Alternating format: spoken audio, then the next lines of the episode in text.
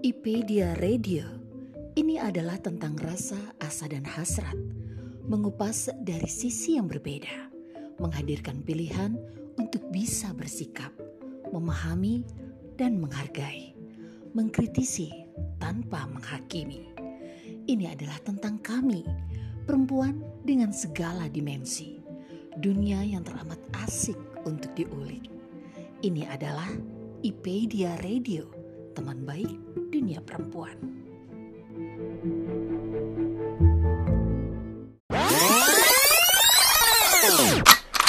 Waduh, pertanyaannya ini dalam banget. Ya terakhir itu pas pas dia pasang ventilator nih itu terakhir. Kalau saya sih suka nulis itu sebenarnya sejak kecil. Uh, saya mau order buat ulang tahun uh, ibunda Bapak Jokowi Februari yang kemarin itu. Itu juga yang dibilang sama ibuku. Hanya orang-orang terpilih yang bisa menjadi suami MS. Serius masih di Rusia berarti tas-tas itu? Iya, betul. Kok Bu Mauri nekat-nekatnya sih bikin komunitas? Mereka berbagi tentang dirinya, tentang dunianya. Perempuan-perempuan keren yang penuh inspirasi. Ikuti obrolan seru mereka hanya di Kata Hati, IPedia Radio, teman baik dunia perempuan.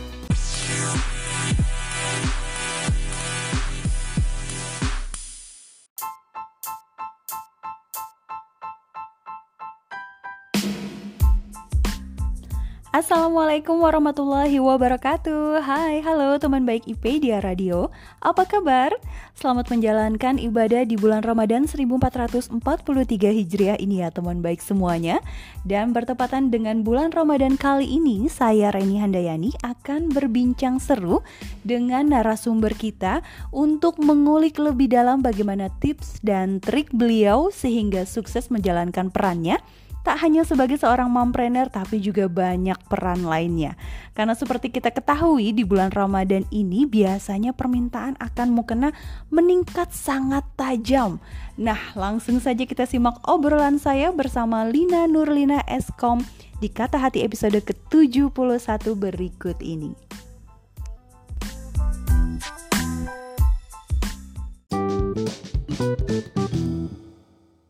Selamat pagi Mbak Lina. Iya, selamat pagi Mbak Reni. Apa kabar? Alhamdulillah baik. Mbak Lina sendiri gimana kabarnya? Alhamdulillah sehat, baik. Alhamdulillah. Sepertinya sedang sibuk-sibuknya ini ya Mbak ya menjelang bulan Ramadan. ya begitulah Mbak. Oke, sebelumnya terima kasih banyak ya Mbak Lina sudah bersedia meluangkan waktu di tengah kesibukannya. Saya tahu pasti sibuk banget ini menjelang bulan Ramadan, menyempatkan untuk berbagi di program Kata Hati IPedia Radio. Izinkan saya sebelumnya untuk memperkenalkan uh, Mbak Lina dulu ya ke teman baik IPedia Radio. Jadi Mbak hmm. Lina Nurlina Eskom ya seorang owner yeah dari Mukena Zaida yang hits banget ibu dari empat orang anak, kemudian juga aktif di organisasi istri karyawan, betul ya Mbak ya? Itu baru sedikit dari kesibukannya Mbak Lina nih, karena sepertinya juga aktif mengajar juga ini Mbak Lina ini. Dilihat dari latar belakang pendidikan Mbak Lina, seorang sarjana pendidikan komputer, kenapa ini jadi memilih berbisnis mukena ini Mbak Lina? Boleh diceritakan Mbak iya. Lina? Iya, jadi sebetulnya uh, bisnis itu bukan pilihan saya sebenarnya ya, tapi memang kayaknya udah ah. melekat gitu loh. Bukan milih tapi memang udah melekat gitu uh, dalam diri teh gitu ya karena memang uh, orang tua saya juga dulunya uh, pembisnis juga gitu. Jadi konveksi juga. Jadi dari kecil saya tuh udah terbiasa dengan mesin jahit gitu, dengan kain gitu. Jadi apa namanya? Jadi yang berkaitan hal-hal yang berkaitan dengan jualan mm -hmm. gitu ya terutama jualan baju fashion gitu itu udah terbiasa saya lakukan dari kecil gitu. Oh, gitu. Uh, jadi uh, bukan hal yang baru seperti itu. Kemudian di pada waktu kuliah di sekitar tahun 2000 2004 2005 itu kan dulu uh, saya ini ke belakang dulu ya Mbak ya. Jadi dulu itu kan eh, gamis-gamis belum sangat tren sekarang ya.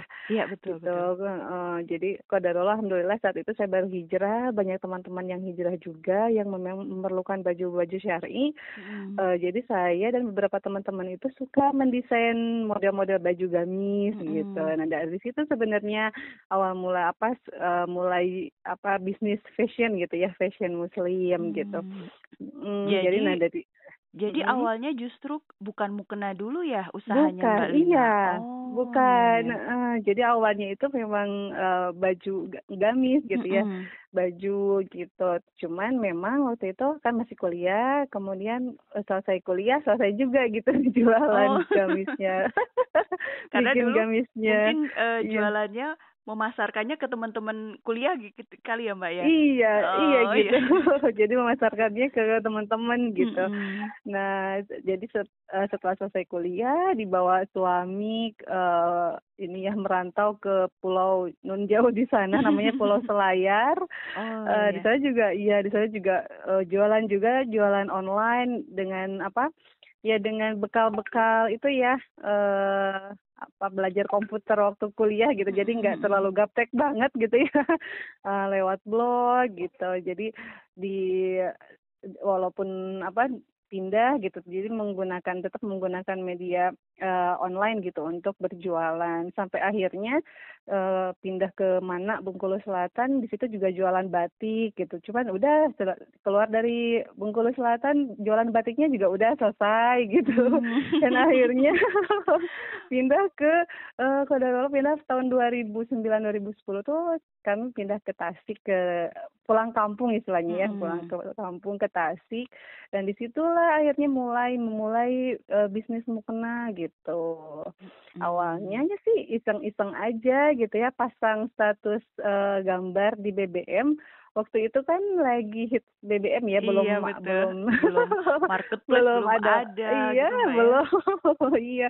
Jadi baru eh, pasang status mukena di WA atau eh di WA di BBM itu ternyata masya Allah antusiasnya banyak sekali bagus gitu ya. Mm. eh banyak yang order gitu nggak eh, masya Allah gitu ya waktu itu yang banyak ordernya tuh untuk yang jual-jual lagi gitu ya yang Oh, grosiran iya, iya. gitu Mm-mm. iya jadi waktu itu dimulai ih ternyata jualan mukena ini apa bagus gitu ya jadi dari situ mulai ini eh, mencari konveksi dari, dari satu pintu ke pintu yang lain itu saya ini saya dari satu konveksi ke konveksi yang lain saya nanya di sini di sini produksi mukena gitu. Di sini produksi mukena gitu.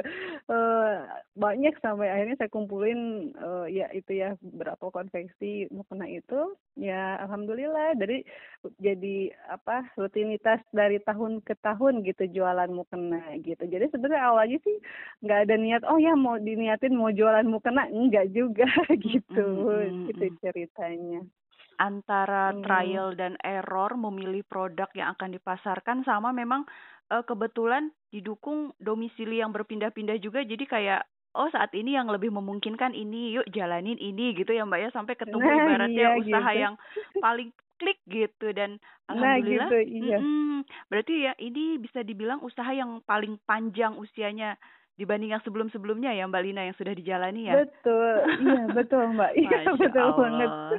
Dan insya Allah nanti berlanjut terus ya Mbak Lina sampai sekarang. amin makin ramai. amin, amin.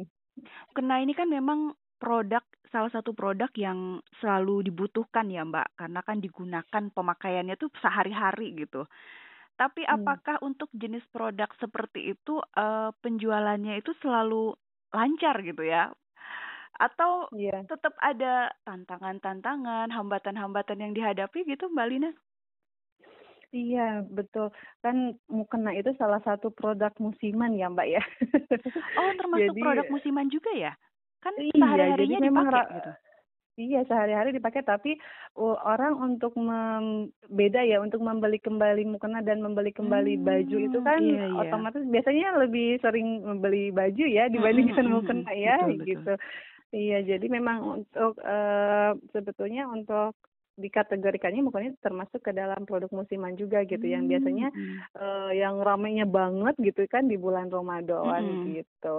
Dan ini kalau ini juga sebagai salah satu tantangan juga gitu ya, tantangan gimana supaya tetap bisa survive gitu ya di Mm. eh, di apa di waktu-waktu sebe uh, walaupun bukan bulan Ramadan gitu ya itu yang Hmm. jadi tantangannya gimana uh, kita harus kreatif gitu ya Iya, betul. itu kemudian ini juga sebenarnya menjadi salah satu alasan saya gitu ya ketika ketika sudah menjalaninya eh ih enak juga ya jualan mukena gitu ya karena eh jualan mukena tuh kita nggak harus ya itu gitu ya jadi nggak harus setiap hari dalam satu tahun itu harus sibuk terus gitu ya harus Iya, sibuk iya. terus kalau baju kan ya harus cepet gitu ya pergantian modelnya Iya, eh, betul. cepat banget gitu ya eh, harus harus mengikuti model dan tren tapi kalau mukena ini kan eh, relatif agak lama gitu ya eh, pergantian modelnya gitu sehingga Kak, dengan kondisi saya yang anak-anak masih kecil juga gitu ya kemudian eh, ya suka pindah-pindah gitu ini eh, menurut saya ini tuh cocok gitu ya eh, bagi saya karena saya hanya sibuk di bulan di enam bulan menjelang Ramadan gitu Pak. Oh, iya iya Iya. iya.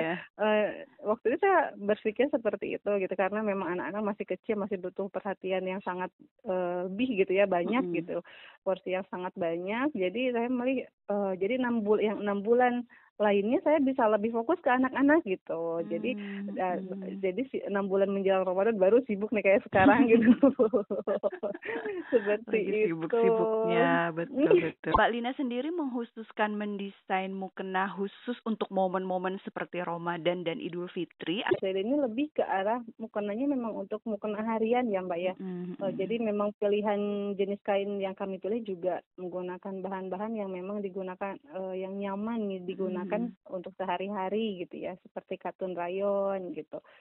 Eh, seperti itu sih Mbak sebetulnya. Kalau untuk produksinya, eh untuk produksinya itu memang untuk eh, keseharian gitu di desainnya seperti itu. Jadi tetap produksi yang eh, apa untuk digunakan sehari-hari walaupun memang permintaan terbanyaknya biasanya menjelang Ramadan dan Idul Fitri tapi tidak membeda-bedakan model khusus gitu ya Mbak ya atau mungkin sesekali Enggak, iya. mengeluarkan dengan kayak bahan premium atau apa kan biasanya ada tuh yang kayak gitu tuh. iya. Iya sih ada juga itu ada Oke, yang memang kayak sekarang itu memang lagi eh, ada khusus gitu untuk bulan untuk Idul Fitrinya terutama ya untuk Idul Fitrinya Mm-mm. ada tapi tidak banyak gitu tidak Mm-mm. Sebanyak untuk yang produksi eh, untuk mukena sehari-hari gitu. Oke, karena biasanya kan menjelang Ramadan, Idul Fitri itu cukup banyak juga ya orang yang mencari mukena yang berbeda dari biasanya, misalnya untuk menjadi bingkisan untuk keluarga, kerabat gitu, yang pengennya berbeda nih eh, mukenanya dari yang biasa gitu, yang biasa digunakan Iya, sehari-hari. Justru kalau untuk eh, iya kami juga menyediakan apa eh, mulai nih mulai menyetok gitu ya untuk eh, produk-produk yang dijadikan bingkisan tapi biasanya itu bingkisan Hmm. dalam yang skala besar gitu Mbak. Jadi yang pengennya yang memang yang harganya relatif terjangkau gitu ya yang di Mm-mm. bawah seratus ribu gitu. Nah seperti itu yang lebih yang mungkin yang lebih kita persiapkan gitu. Hmm. Gitu. Itulah kenapa menjelang Ramadan enam bulan sebelumnya justru lagi sibuk-sibuknya ya Mbak Lina. Oke, Eh, Mbak Lina, bulan Ramadan dan menjelang Ramadan kan biasanya permintaan mukena meningkat tajam nih, bahkan seperti Mbak Lina udah ceritakan tadi, enam bulan sebelum Ramadan itu justru lagi sibuk-sibuknya. Sementara Mbak Lina ini kan perannya cukup banyak ya, selain sebagai ibu dari empat orang anak, juga eh, ketua dari organisasi istri karyawan di tempat suami bekerja juga ya Mbak. Kemudian Iya. saya lihat aktivitasnya sepertinya juga masih sempat mengajar di PAUD gitu. Banyak banget perannya ya. Bagaimana nih cara Mbak Lina eh, memanajemen waktunya dengan beragam peran tersebut sehingga semuanya itu tetap bisa berjalan dengan lancar, baik gitu Mbak. Nggak ada yang keteteran atau nggak ada yang terbengkalai seperti itu. Iya, Masya Allah pertanyaannya itu saya malu ini menjawabnya juga karena memang ya itu saya juga masih jatuh bangun terus ya apalagi dalam keadaan kemarin sedang kuliah gitu, sedang menjadi Nah, mahasiswa masih dari sempat kuliah Produktif. juga, betul. Sementara perkuliahannya cukup padat ya Iya. aktivitasnya gitu. Masya Allah, iya memang ya Allah. Tapi ya itu ya eh apa namanya jadi satu pembelajaran gitu dan pengalaman juga buat saya. Dan dari situlah gitu ya dari kelas dari eh, Bunda Cekatan, alhamdulillah dari Bunda Produktif akhirnya kemudian membuat saya sadar gitu ya yang yang saya yang dulunya memang seperti itu mbak jadi hampir uh, yang saya sukai gitu ya uh, saya jalan, jalani gitu mm-hmm. uh, sampai akhirnya saya kemarin itu terlelek uh, lulus ya lulus dari Bunda Cekatan itu akhirnya mm-hmm. saya mulai fokus gitu mulai fokus uh, mana yang akan saya pilih gitu saya memilih uh, saya punya uh, apa ya passion dua gitu mbak ya bisnis mm -hmm. dan juga pendidikan gitu. Oh. Iya jadi sempat ya, makanya saya ada ada kegiatan bisnis iya, ada juga betul. kegiatan uh, mengajarnya gitu ya. Uh, dan kemudian uh, saya memilih lebih fokus ke bisnis dan keluarga gitu ya. Mm -hmm. Jadi udah semenjak dari tahun kemarin saya mulai apa ya uh, mulai uh, kita mulai sedikit uh, apa ya melepaskan gitu beberapa hal yang apa namanya seperti mengajar itu udah nggak hmm. nggak lagi gitu ya karena memang uh, apa karena memang nggak apa nggak nggak berada di tempat juga gitu -hmm. tapi uh, tapi saya tetap membuat yang membuat kurikulumnya gitu ya karena membuat -hmm. kurikulum itu kan tidak perlu setiap hari gitu yeah, dalam iya. momen-momen tertentu saja gitu seperti itu. Jadi sekarang lebih fokus itu sih mbak, lebih kok fokus ke bisnis uh, dan keluarga uh, untuk uh, apa namanya untuk memanage waktunya uh, saya punya kebiasaan ya menuliskan hal-hal yang perlu saya kerjakan setiap hari gitu ya. Mm-hmm. kemudian uh, mm, apa memberikan prioritas seperti itu. Uh, mana yang harus saya kerjakan mungkin ya seperti itu. Dan kemudian juga um, membiasakan diri untuk tidur lebih awal sepertinya itu. Nah, tidur lebih awal ini. dan saya bangun kemarin, lebih cepat gitu. saya kemarin takjub loh waktu diinfokan sama Mbak Lina. Saya kalau malam tidurnya awal. Saya malah mikirnya wah luar biasa ini. Biasanya justru uh, seorang pebisnis itu sepertinya tidurnya justru agak hmm, larut iya, gitu ya. Tapi malah, ini Mbak Lina malah lebih awal. Itu dulu saya mbak. Dulu memang sempat saya tuh seperti itu. Uh, tidur tuh malam gitu ya sampai jam 12 gitu. Karena nunggu anak-anak tidur dulu baru saya bekerja gitu kan. Saya uh, saya tipe yang harus bekerjanya dalam keheningan gitu. Iya, nggak betul, bisa ramai-ramai gitu ya, ya mbak. Iya. Nah seperti itu. Uh, tapi kemudian saya akhirnya sakit kan mbak ya hmm, dari situ tuh punya kebiasaan seperti itu akhirnya sakit uh, dan lama gitu ya jadi uh, kemudian saya mencoba udah beberapa mungkin ada dua tahun ke belakang ini saya mencoba seperti itu membiasakan untuk mending diganti deh gitu mending tidurnya hmm. lebih awal bangunnya aja yang lebih cepat gitu ya istirahat dulu hmm. jadi jam jam kadang itu jam satu jam setengah dua tuh udah terbangun gitu jadi kan punya waktu juga sama gitu ya sama yeah, seperti yeah. aja seperti kita tidur sampai jam baru tidur jam dua belas sam, uh, baru tidur gitu mending di dibalik aja dan ternyata itu lebih enak gitu mbak bangun uh, apa tidur lebih awal bangun eh, tidur lebih awal bangun juga lebih cepat tuh enak banget gitu dan hmm. lebih sehat gitu jadi walaupun gitu. secara hitung-hitungan waktu terjaganya mungkin sama misalnya eh waktu iya, tidurnya betul. sama misalnya di apa ya empat lima jam misalnya gitu tapi karena Betul. dibalik waktu tidurnya ternyata efek ke badannya beda banget ya mbak ya Iya betul, betul banget mbak. Wah berarti ini bisa menjadi tips juga nih untuk teman baik semua ya yang mendengarkan. mungkin uh, saat ini sedang menjalani aktivitas apa pun itu ya mbak ya yang mungkin sudah mulai agak keteteran, kebingungan, terus bahkan sudah mulai mengarah ke kesehatan yang menurun. Berarti bisa dicoba tipsnya mbak Lina nih ya. Salah satunya itu betul. tadi menyusun skala prioritas, memilih yang mana nih yang benar-benar uh, akan dipilih sebagai prioritas yang utama. Kemudian selalu menuliskan to-do list mungkin ya Mbak ya, apa yang harus dilakukan Betul, supaya nggak ya. ada yang terlewat gitu. Dan yang ketiga, Uhum. menjaga pola tidur, istirahat yang cukup tuh penting banget. Dan menulis ini tadi juga termasuk penting ya Mbak. Kadang kan kita menyimpan segala macam tuh di kepala tapi nggak dituliskan lalu ruwet sendiri gitu.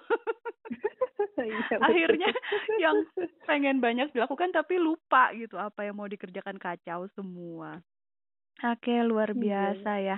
Mbak, saya masih penasaran loh dengan uh, apa cerita berpindah-pindah domisilinya Mbak Lina. Sampai sekarang apakah masih berpindah-pindah domisili atau udah settle satu kota gitu? uh, enggak, masih tetap domisilinya masih tetap pindah-pindah. Alhamdulillah, alhamdulillah baru beberapa bulan ini, Mbak, baru tiga bulan ini mungkin uh, kami tuh pindah ke Jawa. Kemarin hmm, kita satu tahun hmm. ada di luar Jawa di Sumatera hmm, Barat. Alhamdulillah masih ya masih pindah-pindah mbak. Oke, biasanya berpindahnya setiap berapa tahun sekali? Terjadwal atau ya pokoknya begitu Kalau dapat kabar pindah-pindah gitu. Eh, kalau awal-awalnya sih eh, tiga tahun ya tiga Hmm, tahun hmm. sekali. Namun sekarang karena suami sudah menjadi struktural, jadi Mm-mm. lebih cepat lagi mbak sekarang.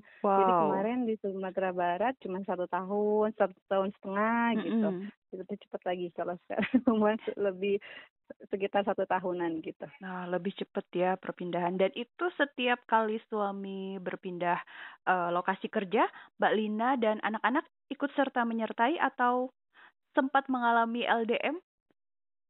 Eh sempat sempat mengalami LDM tapi eh, pada umumnya saya ikut ya sama anak-anak juga oke. ikut biasanya eh, ya biasanya ikut eh, ngikutin gitu ya biasanya suami dulu nanti berapa berapa bulan kemudian kami ikut biasanya saya sama anak-anak aja gitu ya Mm-mm.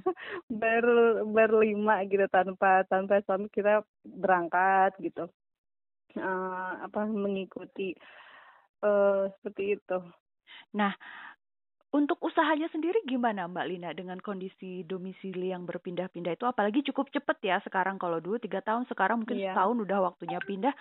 Apakah bisnisnya juga diboyong kalau kasih tempat tinggal yang baru atau tetap Enggak. sekarang gimana di Tasikmalaya gitu ada yang membantu Iya. mengkoordinir atau Iya gimana Mbak? betul. Iya. Jadi eh, kalau bisnis yang mah nggak diboyong, tetap ada eh, ininya tetap di Tasik, home base-nya tetap di Tasik di rumah gitu. Cuman memang ada yang eh, apa namanya ada yang ada yang dijadikan ini ya, ada yang membantu gitu, ada yang membantu. Eh, yang paling penting tuh adalah ini mbak data gitu ya. Kalau yang saya Hmm. yang pengalaman saya selama ini karena kan nggak bisa lihat barangnya langsung Iya, gitu ya. betul betul. Jadi jadi eh, laporan-laporan seperti laporan gudang gitu, laporan penjualan, laporan inventaris gitu itu tuh harus harus rapih gitu ya, harus Hmm. rapi gitu. Jadi eh, setiap pergerakan barang ada ada ada penjualan itu eh, tetap kita tahu gitu ya, tetap kita bisa pantau seperti itu. Itu sih Oke. eh, selama ini tuh kemudian eh, utamanya juga ya ada ada yang menjadi jembatan ya ada orang yang yang bisa kita delegasikan gitu karena kalau nggak ada nggak bisa jalan gitu Iya, betul betul. Ada tips nggak sih Mbak untuk mencari orang yang bisa menjadi tangan kanan kita gitu mungkin ya? Karena kan walaupun misalnya kita pegang data, pegang laporan atau apa gitu, tapi kan kadang eh apa ya? Ya alhamdulillah kalau misalnya kita ketemu orang yang jujur, yang amanah gitu ya Mbak ya. Kalau pas apesnya nih gitu, ketemu orang yang dikasih kepercayaan tapi ternyata kurang amanah itu bagaimana cara kita mengontrolnya dan memastikan oh ini orang yang tepat untuk kita jadikan tangan kanan kita sementara kita berada di lokasi yang jauh gitu dari tempat usaha kita Mbak. Iya. Eh kalau selama ini sih alhamdulillahnya saya tuh masih mengandalkan keluarga ya Mbak ya. Jadi Hmm, masih hmm. belum ke orang lain gitu ya. Mm-mm. Eh selama ini yang pegang selama jadi dulu pas waktu awal-awal eh, tiga tahun pertama itu adik sendiri gitu. Hmm, Jadi adik hmm. sendiri yang yang megangnya. Kemudian setelah eh, ini ganti masih saudara juga gitu sih masih itu masih yang eh, kepercaya oh ya ini mah udah, udah tahu kita teh ini mah jujur dari dulu juga gitu ya. Mm-mm. Jadi udah tahu, udah- jadi bukan orang yang baru, bukan orang baru yang baru kita kenal gitu, enggak gitu. Tapi eh apa namanya ada saudara gitu ya, itu yang Hmm. pertama. Kemudian yang kedua, kalau nggak ada gitu ya, ada juga kondisi memang eh apa nggak ada nggak ada saudara itu eh eh, yang di, saya yang de- saya delegasikan untuk memantau orang yang bekerja itu adalah orang tua sendiri gitu. Karena- Oh iya iya iya. karena rumahnya dekat gitu jadi karena memang mau- eh, orang tua saya kan dulunya juga konveksi gitu jadi tahu gitu Iya, ya tahu betul. bagaimana seperti itu. Jadi eh selama ini yang berperan penting gitu yang berperan sangat berperan itu adalah orang tua gitu di rumah itu. Jadi sama eh, sam- kenapa sampai saat ini saya masih bisa eh, usaha masih bisa berjalan sampai sekarang gitu? Alhamdulillah sekarang salah satunya adalah salah satu peran orang tua juga yang selalu mendukung gitu. Masya Allah luar biasa ya Mbak. Itu satu Hmm. keberkahan ya Mbak ya bisa iya betul mengerjakan mbak alhamdulillah sesuatu sesuai passion walaupun eh, tidak selalu berada di tempat itu kemudian dikelilingi oleh orang-orang yang juga mensupport usahanya Mbak Lina Hmm, gitu bisa betul, membantu luar iya. biasa. Masya Allah. Kalau untuk media promosi sendiri Mbak Lina selama ini Mbak Lina paling nyaman dan paling suka menggunakan media promosi yang mana dan dan dirasa eh, paling memberi dampak positif terhadap penjualan produk-produknya Mbak Lina gitu. Kalau selama ini sih baru nyaman dan baru menghasilkan gitu ya dari Mhm.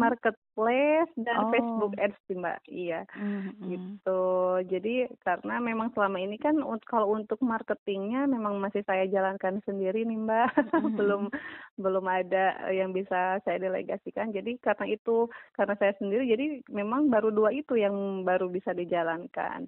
Rencana sih bulan depan udah mulai nih mau optimasi juga ke IG gitu, Mhm. mau dimaksimalkan lagi. Kemudian YouTube-nya juga, TikTok-nya juga. Mohon doanya sih Mbak. Wow, luar biasa. Semoga lancar ya Mbak Lina. Jadi memang Amin. salah satu yang harus dilakukan oleh seorang eh, entrepreneur gitu ya, harus selalu update dengan eh, teknologi Betul. yang terbaru saat ini apa gitu ya Mbak ya. Walaupun mungkin kita Betul. bingung, ha main TikTok gitu kan mungkin kan tidak semua orang nyaman ya menggunakan itu, tapi kalau itu Betul. memang memberi dampak positif untuk produk kita, kenapa tidak untuk dicoba ya Mbak Lina? Jadi belajar terus, belajar Betul. terus gitu. Nah, iya. TikTok kan sekarang jadi ini ya Mbak, media sosial nomor satu ya. Jadi Iya, sayang iya, banget betul, kalau kita nggak ikutan gitu. Mm-mm. Dan memang terasa Betul. ya Mbak ya, Mbak Lina sudah berapa bulan menggu eh berapa bulan, berapa lama gitu menggunakan eh, pemasaran di marketplace? Apakah memang sudah Kalau terasa gitu hasilnya berbedanya? Eh, kalau di marketplace mah dari awal ada da- dari awal marketplace itu ada ya saya langsung ikut. Mm-mm. Jadi biasanya saya tuh karena memang sukanya suka coba-coba gitu ya. Jadi ada eh, kalau ada sesuatu yang baru saya coba gitu, bikin akunnya Mm-mm. gitu, gitu. Alhamdulillah sih kalau dari marketplace sudah berapa tahun ya Mbak? Udah sekitar empat tahun apa ya? Dan Mm-mm. alhamdulillah udah sangat menghasilkan gitu. Kalau dari marketplace dari dari Facebook Ads juga sama eh, begitu juga. Yang Oke. paling terasa iya. Mungkin masuk kategori wajib hukumnya ya Mbak. Untuk para iya itu pedagang kalau kalau menggunakan enggak itu kayaknya kalau enggak itu kayaknya eh, apa namanya kurang gitu untuk omsetnya Mbak. Mm-mm, oke, jadi oke. Iya seperti itu Mungkin ada tips dan trik yang bisa dibagi Mbak Lina untuk teman baik yang Eh. sudah mendengarkan yang mungkin selama ini masih maju mundur gitu untuk eh, berjualan di marketplace.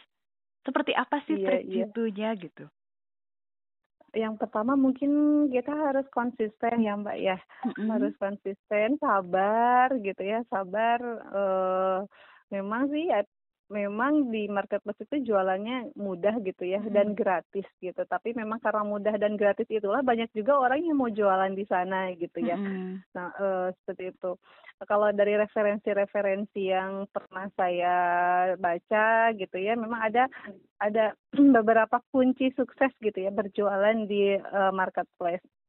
Nah, Yang pertama apa itu? Heeh, yang pertama, yang pertama adalah eh kita harus percantik dulu nih gitu ya, percantik dulu tampilan toko kita gitu, Hmm. kemudian produk-produk kita juga sama seperti kita kalau punya toko ya, kalau Iya, punya iya. toko gitu kita kan pasti juga mempercantik toko kita gitu ya, eh, dan produk-produk kita juga dibuat semenarik mungkin gitu Mm. sehingga ada orang yang lewat, ih ada apa tuh gitu ya, Mm-mm. penasaran gitu istilahnya adalah itu adalah on-site excellent gitu ya. Jadi eh, apa eh, keunggulan tampilan toko kita gitu di di situs marketplace itu yang pertama kita harus eh, perhatikan itu.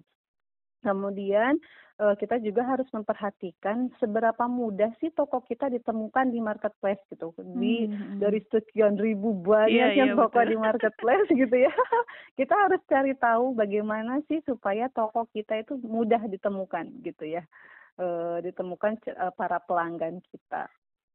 Ya salah satunya dengan cara apa? Dengan cara eh, apa ya tadi ya mengoptimasi dulu itunya apa tokonya, kemudian dengan cara mengikuti eh, apa fit se- me- menjalankan semua fitur-fitur yang ada di marketplace gitu. Kan banyak fitur-fitur gratis ya yang disediakan di marketplace itu. eh kemudian yang ketiga adalah kita harus uh, cari tahu nih bagaimana cara dan uh, mencari produk yang tepat untuk meningkatkan penjualan kita gitu. Kita juga hmm. harus tahu uh, kita itu berada sebagai penjual apa gitu ya apakah hmm. penjual apa penjual apakah kita termasuk ke dalam penjual produsen gitu ya ataukah reseller seperti itu uh, itu mungkin istilahnya sering dinamakan komersial excellent gitu. Mm-hmm. seperti itu. Kemudian uh, kita juga harus melakukan itu promosi terus menerus ya promosi dan pemasaran di marketplace setiap hari gitu. Mm-hmm. uh, kemudian dan yang terakhir adalah yaitu operasional excellent. Kita juga harus uh, apa uh, operasional kita juga harus baik gitu ya uh, memanage stok produk gitu, kemudian uh, pengemasan dan lain sebagainya. Mungkin itu sih Mbak. Wow, lengkap ya. Ternyata hmm. lumayan ya yang harus dipersiapkan dan dipelajari untuk yang mau terjun berjualan ke marketplace. Tidak segampang kita scroll-scroll ya Mbak yang mau belanja ini. Ternyata banyak juga yang harus dipersiapkan gitu. Ah, luar biasa deh Mbak Lina. Tidak terasa Mbak Lina hampir 30 menit kita ngobrol ya. Walaupun waktunya cukup gitu ya. singkat, tapi cukup banyak insight yang sudah saya dapat. Saya tadi sambil nyatet loh, sambil dengerin Mbak Lina ngobrol. Oh. Terakhir ya Mbak Lina, sebelum kita mengakhiri obrolan kita, boleh dong Mbak Lina kasih uh, closing statement atau motivasi nih untuk para perempuan, teman baik yang sedang mendengarkan saat ini, yang mungkin saat ini sedang uh, apa ya, sedang berniat tapi masih galau gitu ya, pengen pengen memulai usaha, pengen memulai menjadi seorang womanpreneur, siapa tahu bisa mengikuti jejak suksesnya Mbak Lina. Ada apa nih yang bisa diberikan dan dibagikan oleh Mbak Lina untuk menyemangati teman baik semuanya? Oke, aduh, uh, apa ya, ya mungkin sebagai perempuan ya sama Allah kita sudah dianugerahi banyak sekali potensi ya. Mm-hmm. uh, banyak sekali potensi yang sudah Allah berikan sama kita. Jadi jangan sia-siakan potensi tersebut. Kita harus senantiasa menggali potensi yang sudah Allah titipkan dengan memperbanyak belajar kemudian uh, terus berusaha mengembangkan potensi tersebut sehingga dengan itu kita bisa bermanfaat gitu ya dengan untuk diri kita sendiri, untuk keluarga juga dan orang-orang di sekitar kita.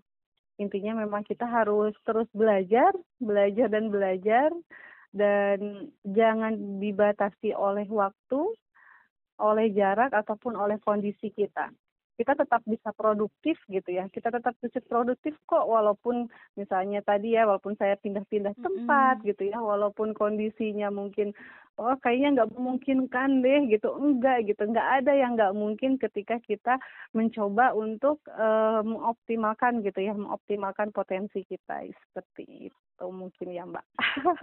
Oke siap mbak. Ini saya serasa uh, secara langsung pesannya ditujukan kepada diri saya gitu yang kebanyakan mikir daripada aksinya gitu ya. Aduh ini mau mulai ini tapi begini ini begitu gitu ya. Akhirnya nggak mulai-mulai diam di tempat aja gitu. Orang lain udah ke mana gitu ya. Semoga ya habis ini saya semakin semangat untuk memaksimalkan potensi dan yang pasti harus banyak belajar dulu ya Mbak, Mbak Lina. Betul, uh, iya ibaratnya kita mau terjun ke medan perang tetap harus ada persiapan dong ya. Betul, iya iya.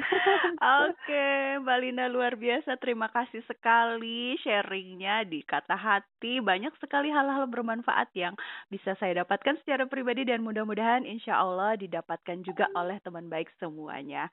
Sukses selalu Mbak. Hmm. Lina dengan usahanya sehat selalu dan Amin. berbahagia yeah. bersama keluarga. Selamat menyambut bulan Amin. Ramadan ya Mbak Lina sehat selalu nih menghadapi Amin. gempuran orderan di bulan Ramadan. Amin. Semoga berkah ya Mbak. Terima kasih banyak ya Mbak. Iya betul, terima kasih kembali. Assalamualaikum iya. warahmatullahi wabarakatuh, Mbak Lina. Sampai ketemu lagi. Ya, Waalaikumsalam warahmatullahi wabarakatuh. Terima kasih telah mendengarkan episode kali ini. Tetap stay tune di IPIDIA Radio, teman baik dunia perempuan.